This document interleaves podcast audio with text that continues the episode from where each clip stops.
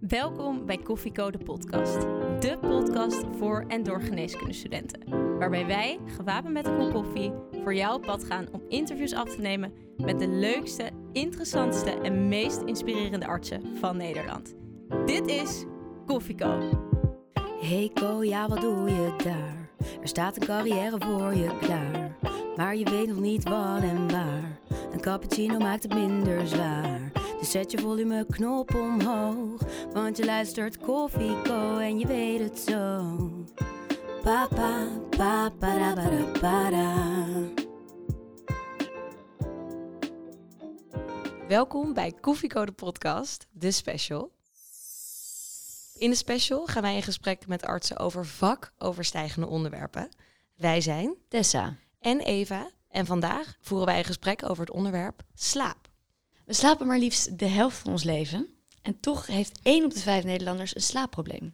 En over dit onderwerp interviewen wij vandaag neuroloog en somnoloog Claire Donjacour. Claire, welkom. Dankjewel. Met jou gaan we het vandaag eh, hebben over hoe belangrijk slaap is. Maar word je er niet moe van om iedere dag over dit onderwerp te praten? Uh, nee, ik word er niet moe van, maar ik praat er ook niet iedere dag over, omdat ik ook, uh, ook mensen met epilepsie behandel. Dus het is ook niet dagelijks. Tegelijkertijd denk ik, ik word ook niet moe van slaap, want slaap is een heel fascinerend fenomeen, wat we allemaal doen. En eigenlijk ook allemaal dagelijks doen. Ja. Ik denk dat iedereen wel eens slecht slaapt en ook weet wat voor impact het heeft als je niet goed geslapen hebt. Of hoe ontzettend irritant het is als je iets moet doen terwijl je heel erg slaperig bent. Hier gaan we het vandaag inderdaad met jou over hebben, over de zin en onzin van slaap en de problemen die bij, uh, daarbij komen kijken. Maar ook over wat bijvoorbeeld nachtdiensten in het leven als uh, dokter uh, voor invloed hebben op ons slaap en al dat soort belangrijke zaken. En die nachtdiensten, ja, die komen dokters niet door zonder koffie. Hoe drink jij hem eigenlijk? Nou, ik vroeg me eigenlijk al af of ik hier wel mag komen, want ik drink helemaal geen koffie. En ik ben er toch jarenlang die nachtdiensten wel doorgekomen, dus het kan wel. Um, je drinkt geen koffie? Nee, ja, ik heb het wel geprobeerd, want ik had het natuurlijk wel eens nodig. Maar ik, ik, ik vind het er heerlijk uitzien. Het ruikt ook lekker, maar als ik het drink, ik, ik gruwel gewoon. Oh. Ik krijg kippenvel. Het is echt het is weerzinwekkend voor het is, mij. Het is eigenlijk een beetje haat-liefde, slaap en koffie. Dus het is wel misschien wel begrijpelijk dat je, dat je niet zo van koffie houdt als slaapdokter. Ja, ja nou ja, goed. Ik, ik had het handig gevonden als ik het wel kon drinken. Maar helaas, het zit er niet in. Val je nooit in slaap dan uh, tijdens een, nee, een nachtdienst? tijdens een nachtdienst had ik wel moeite. Ja, zeker uh, naarmate je wat ouder wordt, is het moeilijker om het, uh, om het vol te houden. En uh, ik was natuurlijk wat ouder toen ik mijn opleiding deed. En wij moesten zeven nachten achter elkaar werken. Dan krijg je wel fatische stoornissen na nacht vijf of zes. Fatische stoornissen? Ja. Help ons even. Oh, weet je wat afasie is? Ja, dat weet ik wel. Ja, dus allerlei... Spraak is dat spraak, toch? Ja, spraakstoornissen. Daar heb je verschillende soorten van en dan is de verzamelnaam fatische stoornissen. Nou, hebben we al wat geleerd, Eve. Ja. We doen ook altijd heel even een stukje over de studententijd. Wat voor een student was jij? Ja, eentje die uh, altijd bezig was, want ik had geen beurs, dus ik moest ook heel veel werken. Dus ik had niet echt een uh, wild studentenleven als uh, veel van mijn groepsgenoten. Maar ik werkte op de OK en ik werkte op de radiologie om toch nog een beetje geld binnen te sprokkelen. En als ik dan... Um, bijvoorbeeld bij een microscopiepracticum zat, dan had ik vaak de hele nacht daarvoor op de elkaar gestaan. Dan lag ik zo met mijn ogen zo op die microscoop te rusten. Dus dat was wel eens ooit een dingetje. Maar over het algemeen was ik wel een blije, blije gemotiveerde student die het vooral heel snel wilde doen. Een harde werker. Een harde werker, ja. Vandaag hebben we het over slaap um, en alles wat daarbij komt kijken. En voordat we daar uh, dieper op ingaan, ben ik wel benieuwd. Wat gebeurt er met onze hersenen op het moment dat we slapen? Wat, in welke fases gaan we? Zou je ons dat willen uitleggen? Ja, je hebt natuurlijk verschillende fases van slaap. Eerst gaan mensen doezelen over het algemeen. Hè? Dat je zo, zo, zo half uh, slaap, half waak. En dan, uh, dan heb je um, nog drie uh, andere soorten slaapfases. Dus dan fase 2, dat is, hè, dan, dan begin je net in slaap te vallen. En dan heb je non-rem, noemen we dat non-rem fase 2. En dan heb je fase 3. Dan zit je echt in diepe slaap. Dan krijg je hele langzame hersengolven. Dan ben je ook niet meer zo makkelijk wakker te krijgen. En dan daarna kom je in de remslaap of in de droomslaap. Daar, dat komt van rapid eye movements. Dan gaan je ogen heel snel op en neer. Vaak dromen mensen in, in die fase. En ehm, je spieren zijn dan verlamd. Dat is een kenmerk van de remslaap. En dat is maar goed ook, want als je spieren niet verlamd zijn, dan ga je je dromen uitbeelden, schoppen en slaan. Dat is zeker voor je bedpartner ook niet zo leuk. Dus daarom, dat noemen we rem. En, en, en non-rem zijn dus de, de fases dat je dat niet hebt. Hoe vind jij je eigen slaap? Ehm, ik vind mijn eigen slaap prima. Ik uh, hou niet zo erg uh, me aan de slaaphygiëne regels. Die ik altijd wel mijn patiënten adviseer. Maar dan komen die patiënten die komen bij mij met een klacht. Omdat ze niet functioneren of omdat ze ergens last van hebben. En ik doe wel eens dingen in de nacht. Maar ik heb overdag geen last. Ik over, functioneer prima overdag. Dus dan kan het gewoon. En wat zijn die slaaphygiëne regels? Nou, bijvoorbeeld dat je geen beeldscherm hebt in, in bed, dat je niet met je telefoon in bed zit of dat je niet tv kijkt vanuit bed. En uh, nou, ik zet die tv aan en uh, ik zet hem op sleeptimer en ik ben altijd al in slaap gevallen voordat hij uitgaat, weet je. Dus voor mij is het geen probleem. En soms... Hetzelfde als een longarts die rookt, je doet het Ja, maar dat vind ik wel echt erger hoor, dat vind ik echt veel erger. Ja, dat is ook zo. Je bent neuroloog, somnoloog bij, uh, bij Seine, een expertisecentrum voor epilepsie en slaapgeneeskunde. Ja. En we dachten eerst maar eens even te beginnen met een korte uitleg. Wat doet een somnoloog? Een somnoloog, ja, eigenlijk wat, wat alle dokters doen. Je ziet patiënten met een uh, bepaald probleem. Dus je doet spreekuur en dan hoor je, hoor je gewoon uh, wat het probleem is. En dan maak je een idee bij van welke richting het op gaat. Eigenlijk doen we altijd een slaaponderzoek, dus een polysomnografie, waarbij we met elektroden op het hoofd de slaap meten en ook de zuurstof, de ademhaling, kijken of er bewegingsstoornissen zijn. Dus uh, dat brengen we dan in kaart en we geven mensen meestal een ActiWatch, een soort Fitbit-horloge, dat we ook kunnen zien hoe het dag-nachtritme over een hele week eruit ziet. Um, als die onderzoeken gedaan zijn, dan wordt het door de laboranten allemaal gescoord. En we bespreken dat altijd met het hele team. Dus we hebben de, de, andere neurologen, uh, er zitten longartsen bij, er zitten psychologen bij en de laboranten die de onderzoeken doen. En dan maken we met elkaar een plan voor die patiënt. En dan zie je die patiënt weer terug op je spreekuur en dan ga je dat plan bespreken. Dus multidisciplinair. Sowieso, ja, dat is natuurlijk een van de kernpunten van zijn, dat we het probleem zo aanpakken. En, en die somnologie, wanneer mag je jezelf nou een somnoloog noemen? Als je een uh, Europees examen daarvoor hebt afgelegd met succes. En je moet, voordat je dat examen mag doen, moet je een bepaald aantal, aan een bepaald aantal voorwaarden doen. Dus dat je het grootste deel van je tijd aan de slaap besteedt. Uh, en dat je een aantal jaar ervaring hebt. Ik moet eerlijk zeggen, ik weet niet meer precies die vereisten. Maar uh, daar, zitten wel, daar zitten wel eisen aan dat je wel genoeg met slaap bezig bent. En als, als je dan Door die screening heen gekomen bent, mag je dat examen doen. Zijn het er veel somnologen in Nederland? Ja, best wel. Want op een gegeven moment was het examen ook vrij makkelijk. dus ze konden mensen toch wel makkelijk halen. Gingen ze op congreshub dat examen doen. En dat hebben ze nu aangescherpt om het toch een beetje wat exclusiever te maken. Dus nu moeten mensen voor het somnologie-examen bijvoorbeeld ook die polysomnografie, hè, die slaaponderzoeken zelf scoren. Het is dus geen voorwaarde voor de somnologie om neuroloog te zijn? Nee, alle psychologen die bij ons werken, bijna alle psychologen die bij ons werken zijn ook somnoloog. Um, longartsen kunnen dat worden, KNO-artsen. Ze moeten alleen vooral heel veel met slaap bezig zijn en dat examen halen. Um, je werkt daar al best een tijd, zeven jaar, vertelde ja. je ons uh, in het voorgesprek. Wat is zijn precies en wat is hun visie? Wat, waarom, uh, waarom alles op één plek? Um, nou goed, voorheen was zijn echt speciaal voor mensen met epilepsie, met heel ingewikkelde epilepsieën, uh, om die goed te behandelen. Ook kinderen met hele ingewikkelde epilepsiesyndromen. Um, om, om daar ook multidisciplinair een behandeling te doen. Dus ook wordt er gekeken naar scholing. Er zijn mensen die, die helpen met, met bijvoorbeeld de weg naar arbeid weer. We hebben arbeidsdeskundigen, maatschappelijk werk, psychologen. Dus dat het een heel multidisciplinair centrum is, waarbij we alle aspecten van patiënten met epilepsie zeg maar in kaart brengen en begeleiden. En later is daar de slaap bijgekomen. Omdat denk ik een van de neurologen dat heel graag wilde, die daar vroeger werkte. En slaap en epilepsie, um, het is denk ik ook een, een goede combi. Veel mensen met epilepsie hebben ook slaapproblemen. En um, ik denk een derde lijn centrum waar neurologen werken um, en, en waar de klinische neurofysiologie aanwezig is, is, is heel goed te combineren met, met slaap. Maar het, op zich had het ook los kunnen staan. Maar ik ben blij dat we twee verschillende dingen doen. Je doet het allebei? Ik doe het allebei. Wat vind je het leukst? Slaap.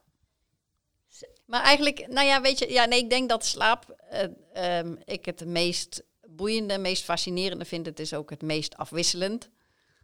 Uh, maar ik ben wel heel blij dat ik het allebei kan doen. Ja. Ik heb wel een beetje afwisseling nodig in het leven. Hoe komt het nou dat die slaap uh, jou zo heeft gegrepen destijds? Um, ik, ik vond het altijd al heel fascinerend wat slaap met je kan doen, wat, wat mensen in hun slaap doen. Toen ik psychologie studeerde, kwam er ook een vak sleep medicine. En dat wilde ik per se doen. Ik was een van de 16 gelukkigen die dat mocht doen. En toen wist ik, ja, dit is, is, dit is gewoon heel gaaf. Hè. Slaap is soms onvermijdelijk. Um, mensen hebben de meest maffe gedragingen in de slaap. Dus het is gewoon iets, iets fascinerends. En het, en het heeft zoveel impact op je dagelijks leven als het niet goed gaat. Hmm. Dus uh, het is ook wel dankbaar als je daar weer iets kan aan gaan doen voor mensen. Waarom is slaap zo belangrijk? Nou, vooral denk ik voor je, voor je processen in je hersenen van je functioneren in het algemeen. Dus voor je geheugen, voor je stemming, voor je um, manier hè, om, om te kunnen plannen. Gewoon, gewoon je algeheel functioneren overdag. Hè, want mensen die niet goed slapen, ja, die, die, die maken veel fouten. Die hebben eerder ongelukken, die kunnen zich niet goed concentreren, zijn vergeetachtig, raken dingen kwijt.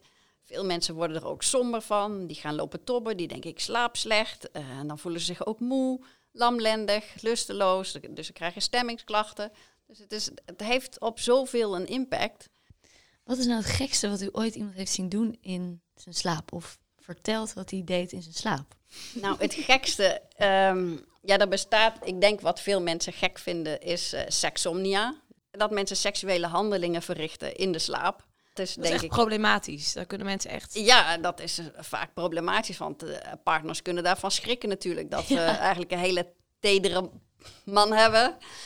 En dan ineens, het trouwens kan ook bij vrouwen voorkomen, maar nu denk ik aan een mannelijke patiënt. En, en dat... dat kan dus gebeuren, maar want de mensen die voor slaaponderzoek gaan bij jullie, die observeren jullie denk ik ook terwijl ze daar liggen. Doen mensen dan niet ook mensen die, ja, ik kan me voorstellen als je bijvoorbeeld droomt dat je van een gebouw springt en mensen dat mensen dan bijvoorbeeld dat soort dingen gaan doen? Of bestaat dat niet? Ja, dat bestaat wel. Kijk, um, dat is bijvoorbeeld REM Sleep Behavior Disorder. Dat is dus hè, dat je in je dromen je dromen gaat uitbeelden omdat die verlamming niet optreedt. Um, en dat kan heel heftig zijn, want mensen dromen vaak dat ze achtervolgd worden of aan het vechten zijn. En die mensen zijn echt heel hard aan het schoppen en aan het slaan, uh, waarbij ze zichzelf ook kunnen bezeren als ze met het bed naast de muur ja. liggen. En het vervelende van dit is dat deze mensen meestal in de komende 15 jaar een Parkinson-achtig beeld oh krijgen. Dus dat is vaak toch een soort voorstadium van zo'n nare aandoening. Um, maar goed, ja, dat, dat komt voor. En er is ook een heel mooi onderzoek naar geweest dat uh, een neuroloog in uh, Parijs, Isabelle Arnoulf, die heeft mensen gewekt op het moment dat ze hè, die, die handelingen uitvoeren en ze ook gevraagd wat ze droomden. En dan kwam dat vaak overeen. Hè, met, dan leek het inderdaad of ze dat aan het doen waren. het fascinerende was, dit was al bij mensen die al Parkinson hadden. Okay. En het boeiende was dat ze beter konden bewegen in die dromen dan wat ze overdag bij waar konden. Dus dat was wel echt uh, ja, heel boeiend. Je vertelt dat je dan dromen kan linken aan een ziektebeeld. Of e-, eventueel ja, eigenlijk misschien een kleine voorspelling zou kunnen doen. Um, hebben voor de rest dromen betekenis? Je hoort wel eens dat mensen die uh, hun tanden verliezen tijdens het dromen, dat, dan heb je angst of zo. Of dan... Ja, goed, daar zijn de meningen over verdeeld. Ik denk vaak wel, als ik kijk naar mezelf, dan zie ik dat het vaak een soort, een soort samenraapsel is van wat er die dag is gebeurd of wat er gaat gebeuren. Als ik vroeger een, uh, wist dat ik de volgende dag een evaluatie ging krijgen met de opleider, dan had ik dat gesprek al in vijf verschillende versies gedroomd. En dat was wel nuttig ook, want dan kwam ik goed beslagen ten ijs. Um, dus, dus ja, ik denk dat het, dat het ergens misschien toch um, ook een soort uh, maken van, van, van um, herinneringen, opslaan van indruk op de dag en misschien ook het wissen van, van dingen die niet uh, belangrijk zijn. Maar precies wat jij zegt van die tanden kwijtraken. Ik weet in Indonesië denken ze dan dat er iemand gaat overlijden dus, dus ik denk in verschillende culturen zijn er ook wel verschillende gedachten over wat, wat die dromen dan betekenen. Ik droom bijvoorbeeld niet. Nou, waarschijnlijk droom je wel, maar onthoud je ze niet. Want het lijkt er een beetje op dat als je vlak bijvoorbeeld na, na je droomslaap wakker wordt, hoewel je kan ook dromen in je diepe slaap, um, dat je dan misschien beter onthoudt. Uh, ik onderzoek gedaan bij mensen met narcolepsie heel levensechte dromen. Die kunnen overdag ook echt helemaal in de war zijn. Of iets nou echt gebeurd is of gedroomd. En dat lijkt toch, hè, van hen is bekend dat ze heel onderbroken nachtslaap hebben. En het idee is toch dat ze het op een andere manier opslaan. Het, de geheugen aan die droom dan, dan mensen die dat niet doen.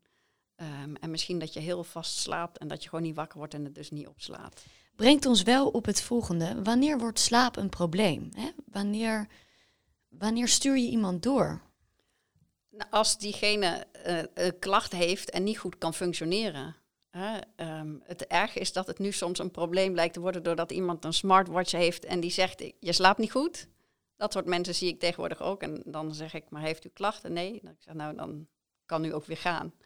Hè, want eh, we behandelen geen horloges hier. Eh, het, het is een beetje kort door de bocht, maar zo leg ik het uiteindelijk wel uit. Maar het is vooral als mensen overdag niet functioneren. En, en sommige mensen die slapen maar vier uur per nacht en die functioneren prima overdag. Dus dan is er niks aan de hand.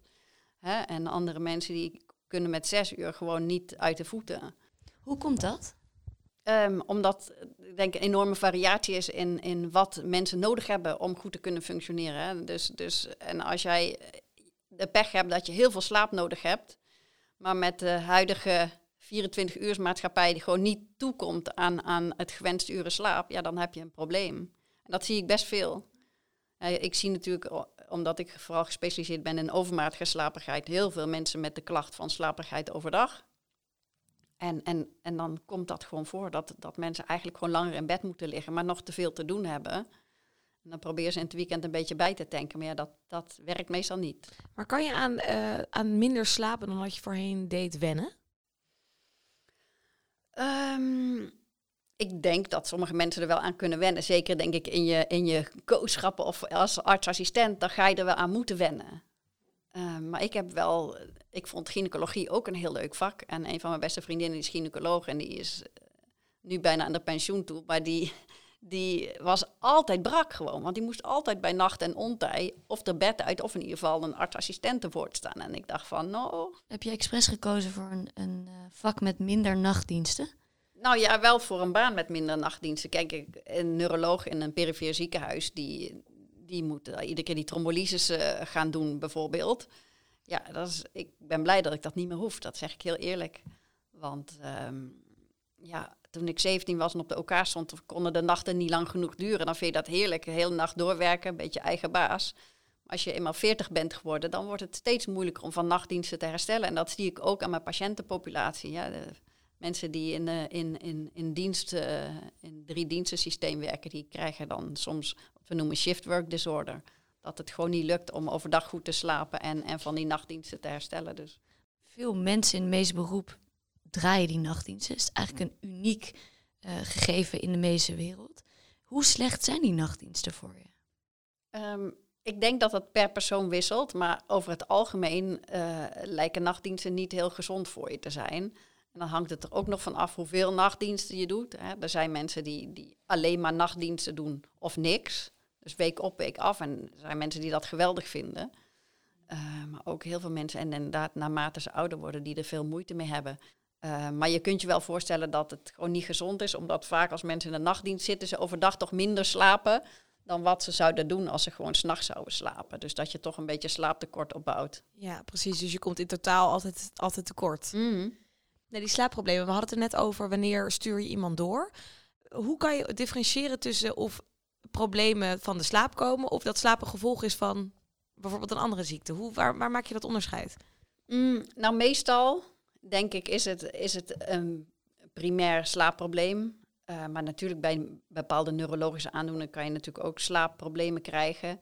Ik denk dat het een beetje van afhangt wat patiënt al mankeert, hè, waar die al mee rondloopt. En, en dat je iets in eerste instantie als een, laten we zeggen, uh, primair slaapprobleem beschouwt. En mocht het toch niet helemaal je therapie werken, hè, dat je eventueel verder gaat kijken. En de klachten, wat zijn de klachten die mensen ervaren met slaapproblemen? Je noemde het wel al nou, Kijk, de meeste, het, wat we het meeste zien, denk ik, is insomnie. Hè? Dus mensen die niet goed kunnen slapen of het gevoel hebben niet goed te kunnen slapen. En, en daar uh, vaak zich heel erg over op gaan winden. Um, en, en, en dan ook somber worden of hè, allerlei andere klachten, burn-out klachten. En dan is het soms wel eens moeilijk, is, waar is nou het kip of het ei? Hè, want dat is vaak wel een beetje een, een samenraapsel. Um, Maar als je dan de slaap verbetert, dan kan alles ook wel weer verbeteren. Hè? Dus, dus, en, en vaak moet je dat dan gewoon tegelijk aanpakken. Dus en hun stemmingsklachten en de slaap. En wanneer komen ze bij jou? Um, nou, vaak komen ze van een, ander, van een medisch specialist. Hè, dat is eigenlijk de bedoeling van zijn als, als de gewone specialist er niet uitkomt. Nou moet ik zeggen, voor de mensen die niet goed kunnen slapen, komen ze ook nog wel eens van de huisarts.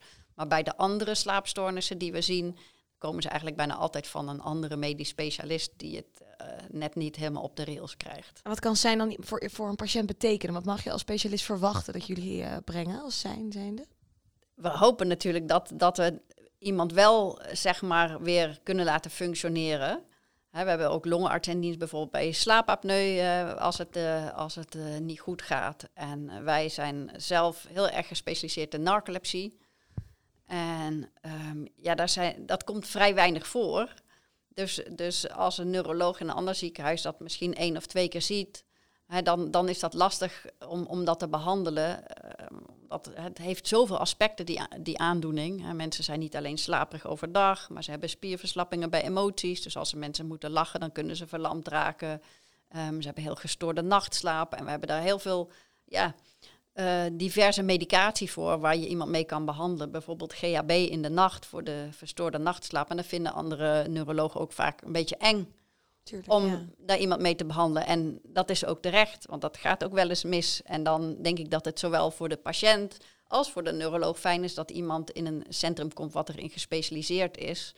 He, want wij voelen ons natuurlijk daar wel bij op ons gemak. En, en ik denk dat een patiënt er ook bij gebaat is als je zo'n zeldzame aandoening hebt Ehm, dat, dat er expertise is, net zo goed als dat er een neuroloog die heel erg gespecialiseerd is in MS, iemand met MS behandelt. En genoeg ervaring. Ja. Dus, eh, dus zijn is een, een, een multidisciplinair uh, centrum waar eigenlijk alle disciplines die te maken ook hebben met slaap en epilepsie bij elkaar komen. Jij werkt daar uh, parttime als, als neuroloog. Hoe ziet jouw dag daaruit? Wat, wat doe je allemaal?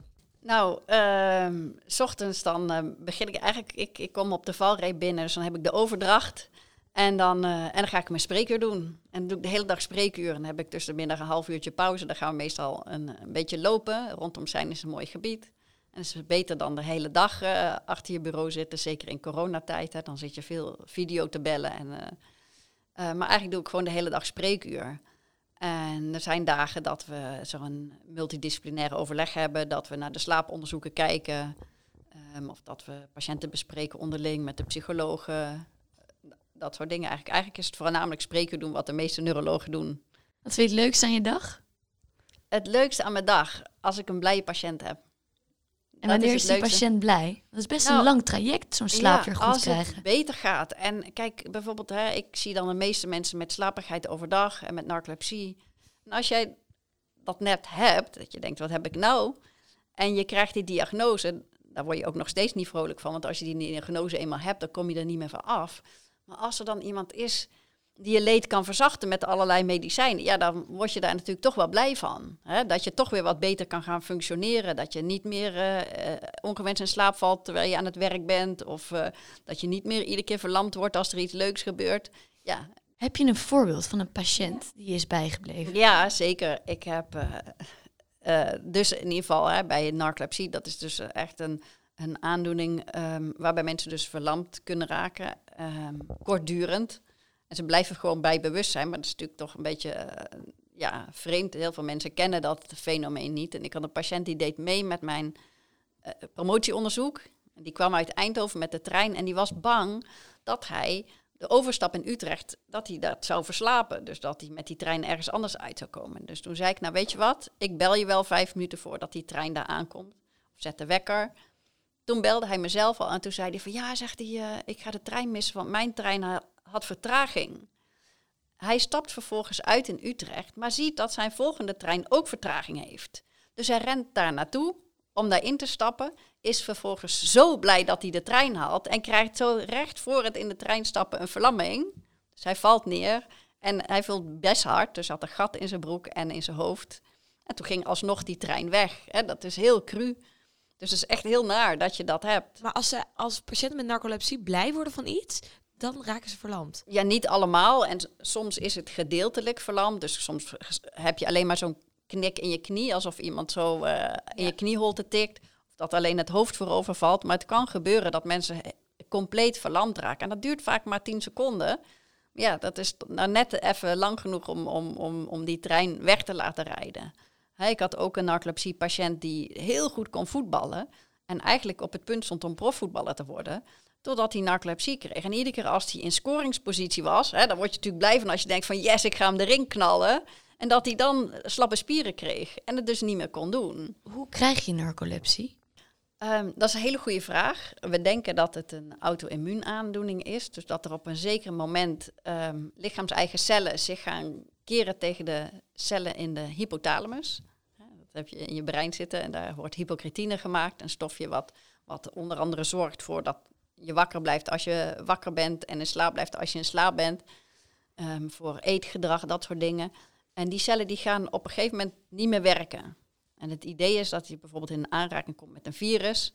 En dat, uh, dat die antistoffen tegen dat virus uh, eigenlijk een soort lijken. Hè, dus dat niet alleen dat virus aanvallen, maar ook die cellen in de hypothalamus. Um, ehm, 100% is het nog niet bewezen, maar daar heeft het alle schijn van. Ja. en dat was bijvoorbeeld uh, destijds toen met de Mexicaanse griep. Dat er gedacht werd dat het door het vaccin kwam. Dat bleek niet per se zo te zijn, want in, in, eh, in China zagen we ook een enorme piek in de narcolepsiegevallen, terwijl daar niemand gevaccineerd was. Maar, dat, hè, maar wel ook dat virus is geweest. Dus misschien dat er toch iets is geweest van, hè, we, vallen dat virus aan, maar per ongeluk ook de hyperretinecellen. Dus het idee is dat het, dat het op zo'n manier gebeurt. Uh, je bent gepromoveerd op narcolepsie. En ik kan me voorstellen dat je bij, uh, bij zijn uh, veel patiënten ziet met ja. narcolepsie. Ja. Wat voor patiënten komen er nog meer bij, bij zijn? Um, mensen met, nou, dus heel veel mensen die niet goed kunnen slapen. Er komen veel jonge lui, vooral met een verschoven slaap-waakritme. Hè, dus die pas heel laat in slaap kunnen vallen. Vaak zijn het ook mensen die eerst heel veel gamen in de nacht, zal ik maar zeggen. Waardoor het ritme naar achter schuift. Um, we zien veel mensen met slaapapneu-syndroom. Um, ouders die, uh, die niet kunnen slapen doordat hun kleine kind uh, wakker houdt. Uh, of die per se bij hun in bed wil liggen. Dat, dat zien we natuurlijk ook veel. Hè. Bij, kinderen is meestal niet per se dat die niet goed slapen, maar dat het eerder een soort gedrag is wat ze vertonen. Um, nou ja, die REM Sleep Behavior Disorder, die mensen die dromen uitbeelden, um, dat zijn meestal wat oudere mensen. Dat kan ook bij jongere mensen als ze bijvoorbeeld antidepressiva gebruiken. Maar over het algemeen zijn dat oudere mensen die dat uh, krijgen. En, en slapeloosheid komt op alle leeftijden voor. Zie je als dokters die slaapproblemen hebben? Mm, even denken. Ik heb wel eens een dokter gezien met een slaapprobleem. Maar niet zoveel. Ik denk dat die eerder zelf soort aanmodderen. Of zelf misschien naar de slaappillen grijpen, waar ik absoluut ernstig op tegen ben. Hè? Want slaapmedicatie, dat is uh, wat mij betreft iets wat je alleen maar voor korte duur gebruikt. Om een bepaalde periode door te komen, maar niet... Uh, dat is nog wel een varkentje die we met je wilden wassen. Want um, ik vond het wel opvallend tijdens mijn kooschappen hoe snel mensen uh, een, een voorgeschreven kregen. Um, en ook wel hoe snel patiënten daarnaar vragen. Bedoel je patiënten die in het ziekenhuis ja. liggen?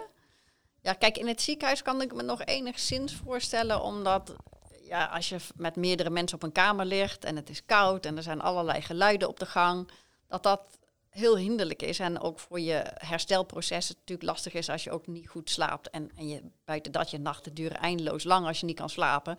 Dus daar kan ik het me nog enigszins voorstellen. Alleen die recepten moeten onmiddellijk stoppen als die mensen weer de deur uitgaan. Maar wel grappig, het is leuk dat je het aansnijdt, uh, want dat wilden we eigenlijk zelf ook nog even doen. Um, want volgens mij is slaap ontzettend belangrijk voor medisch herstel. Maar als je dan in het ziekenhuis, waar de mensen ziek zijn, wil slapen, dan gaat dat bijna niet door alle piepjes en uh, vroege visites en uh, vijf andere mensen op je kamer. Moet dat niet anders? Moeten we dat, het slaap, de slaaphygiëne van het ziekenhuis niet aanpassen? Ja, ik denk dat het lastig is, want je wil mensen ook in de gaten houden.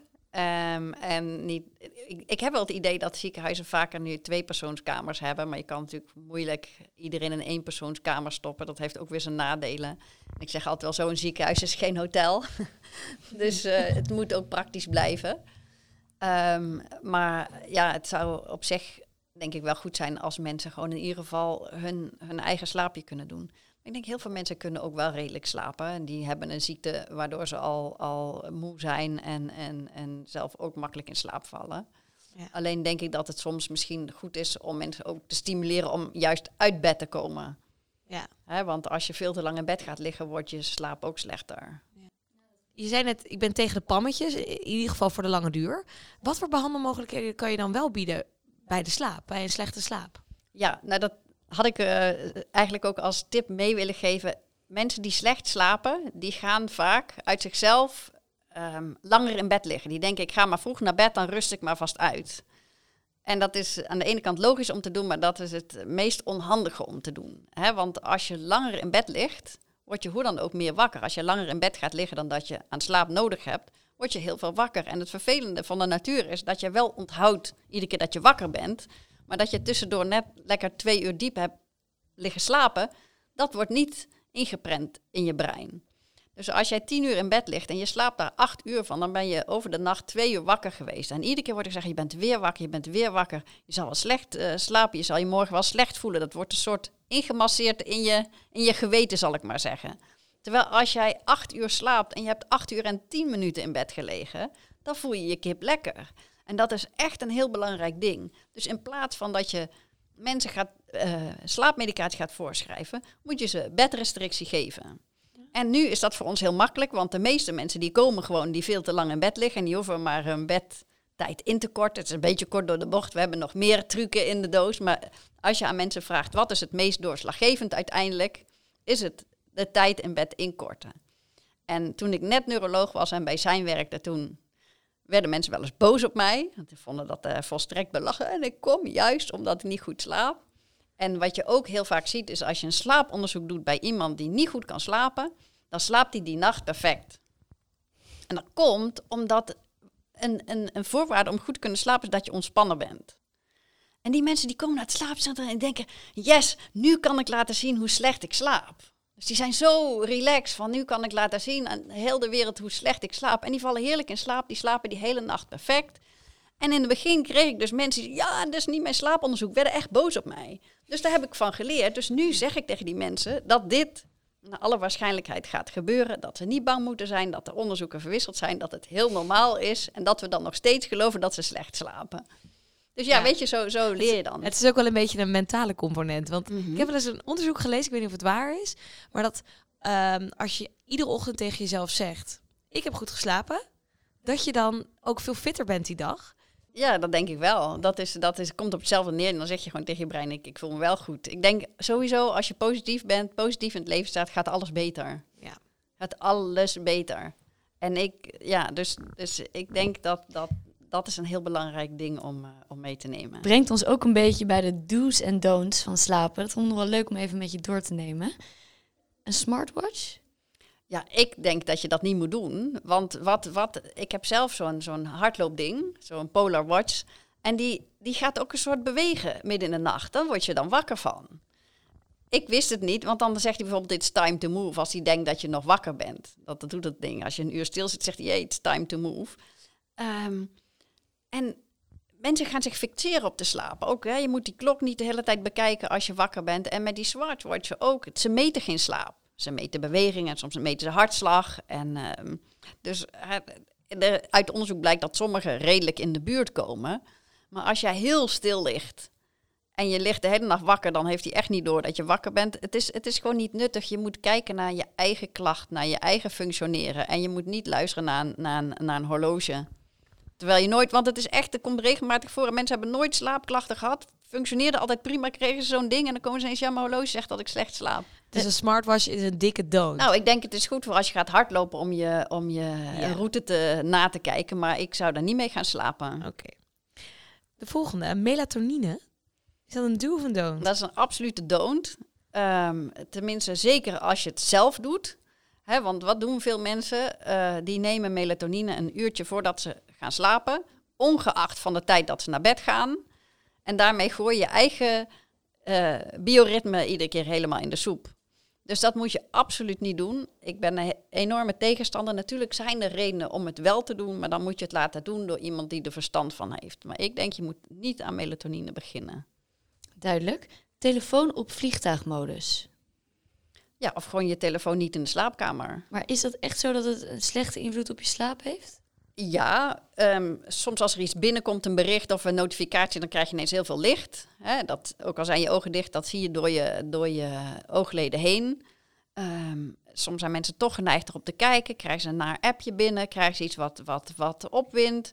Dus, dus dat kan je slaap verstoren. Dus ik denk, dat moet je niet doen. Tenminste niet als je er gevoelig voor bent. Ik zeg eerlijk, ik heb mijn telefoon wel in mijn slaapkamer liggen.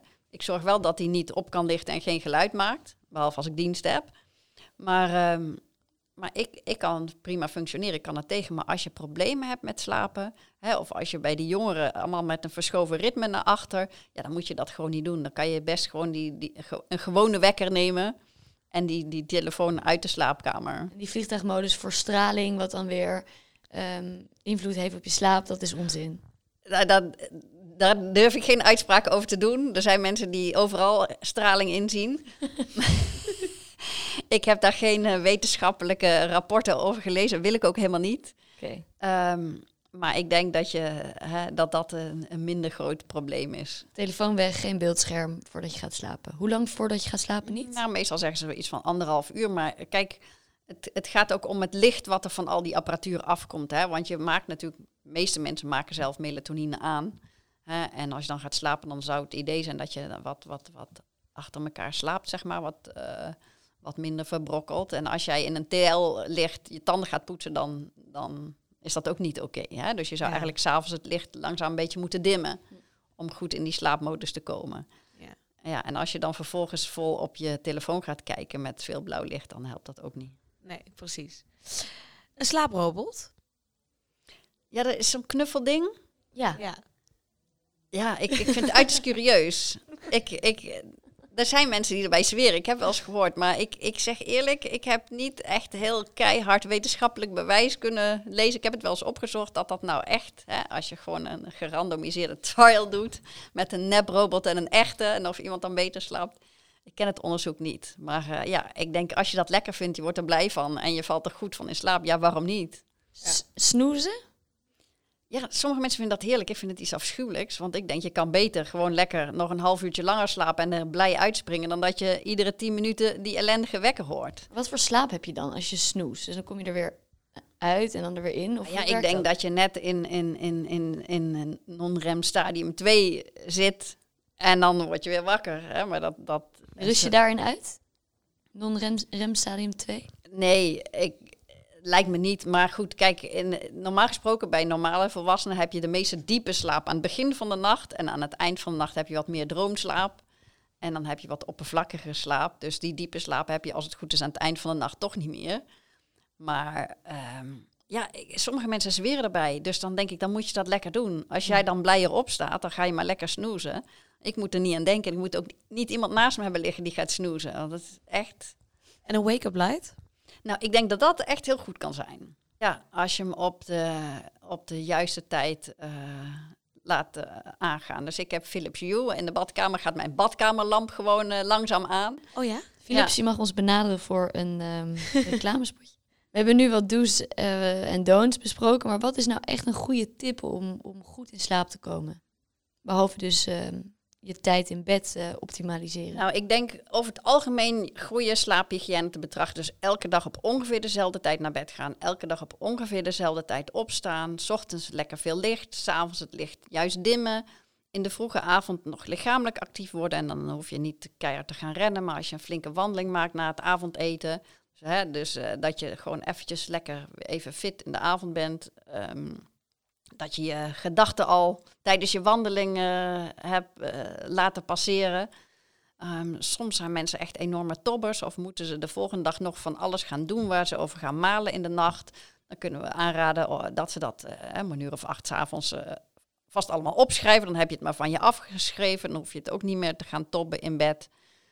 Um, en, en dat soort dingen, dat je zorgen dat je geen koffie natuurlijk gaat drinken vlak voordat je naar bed gaat of gaat roken. Dat moet je natuurlijk überhaupt helemaal niet doen. Maar hè, dus er zijn wel algemene regels van slaaphygiëne waardoor je het uh, beter zou moeten kunnen slapen. Alcohol is ook niet goed voor het slapen gaan.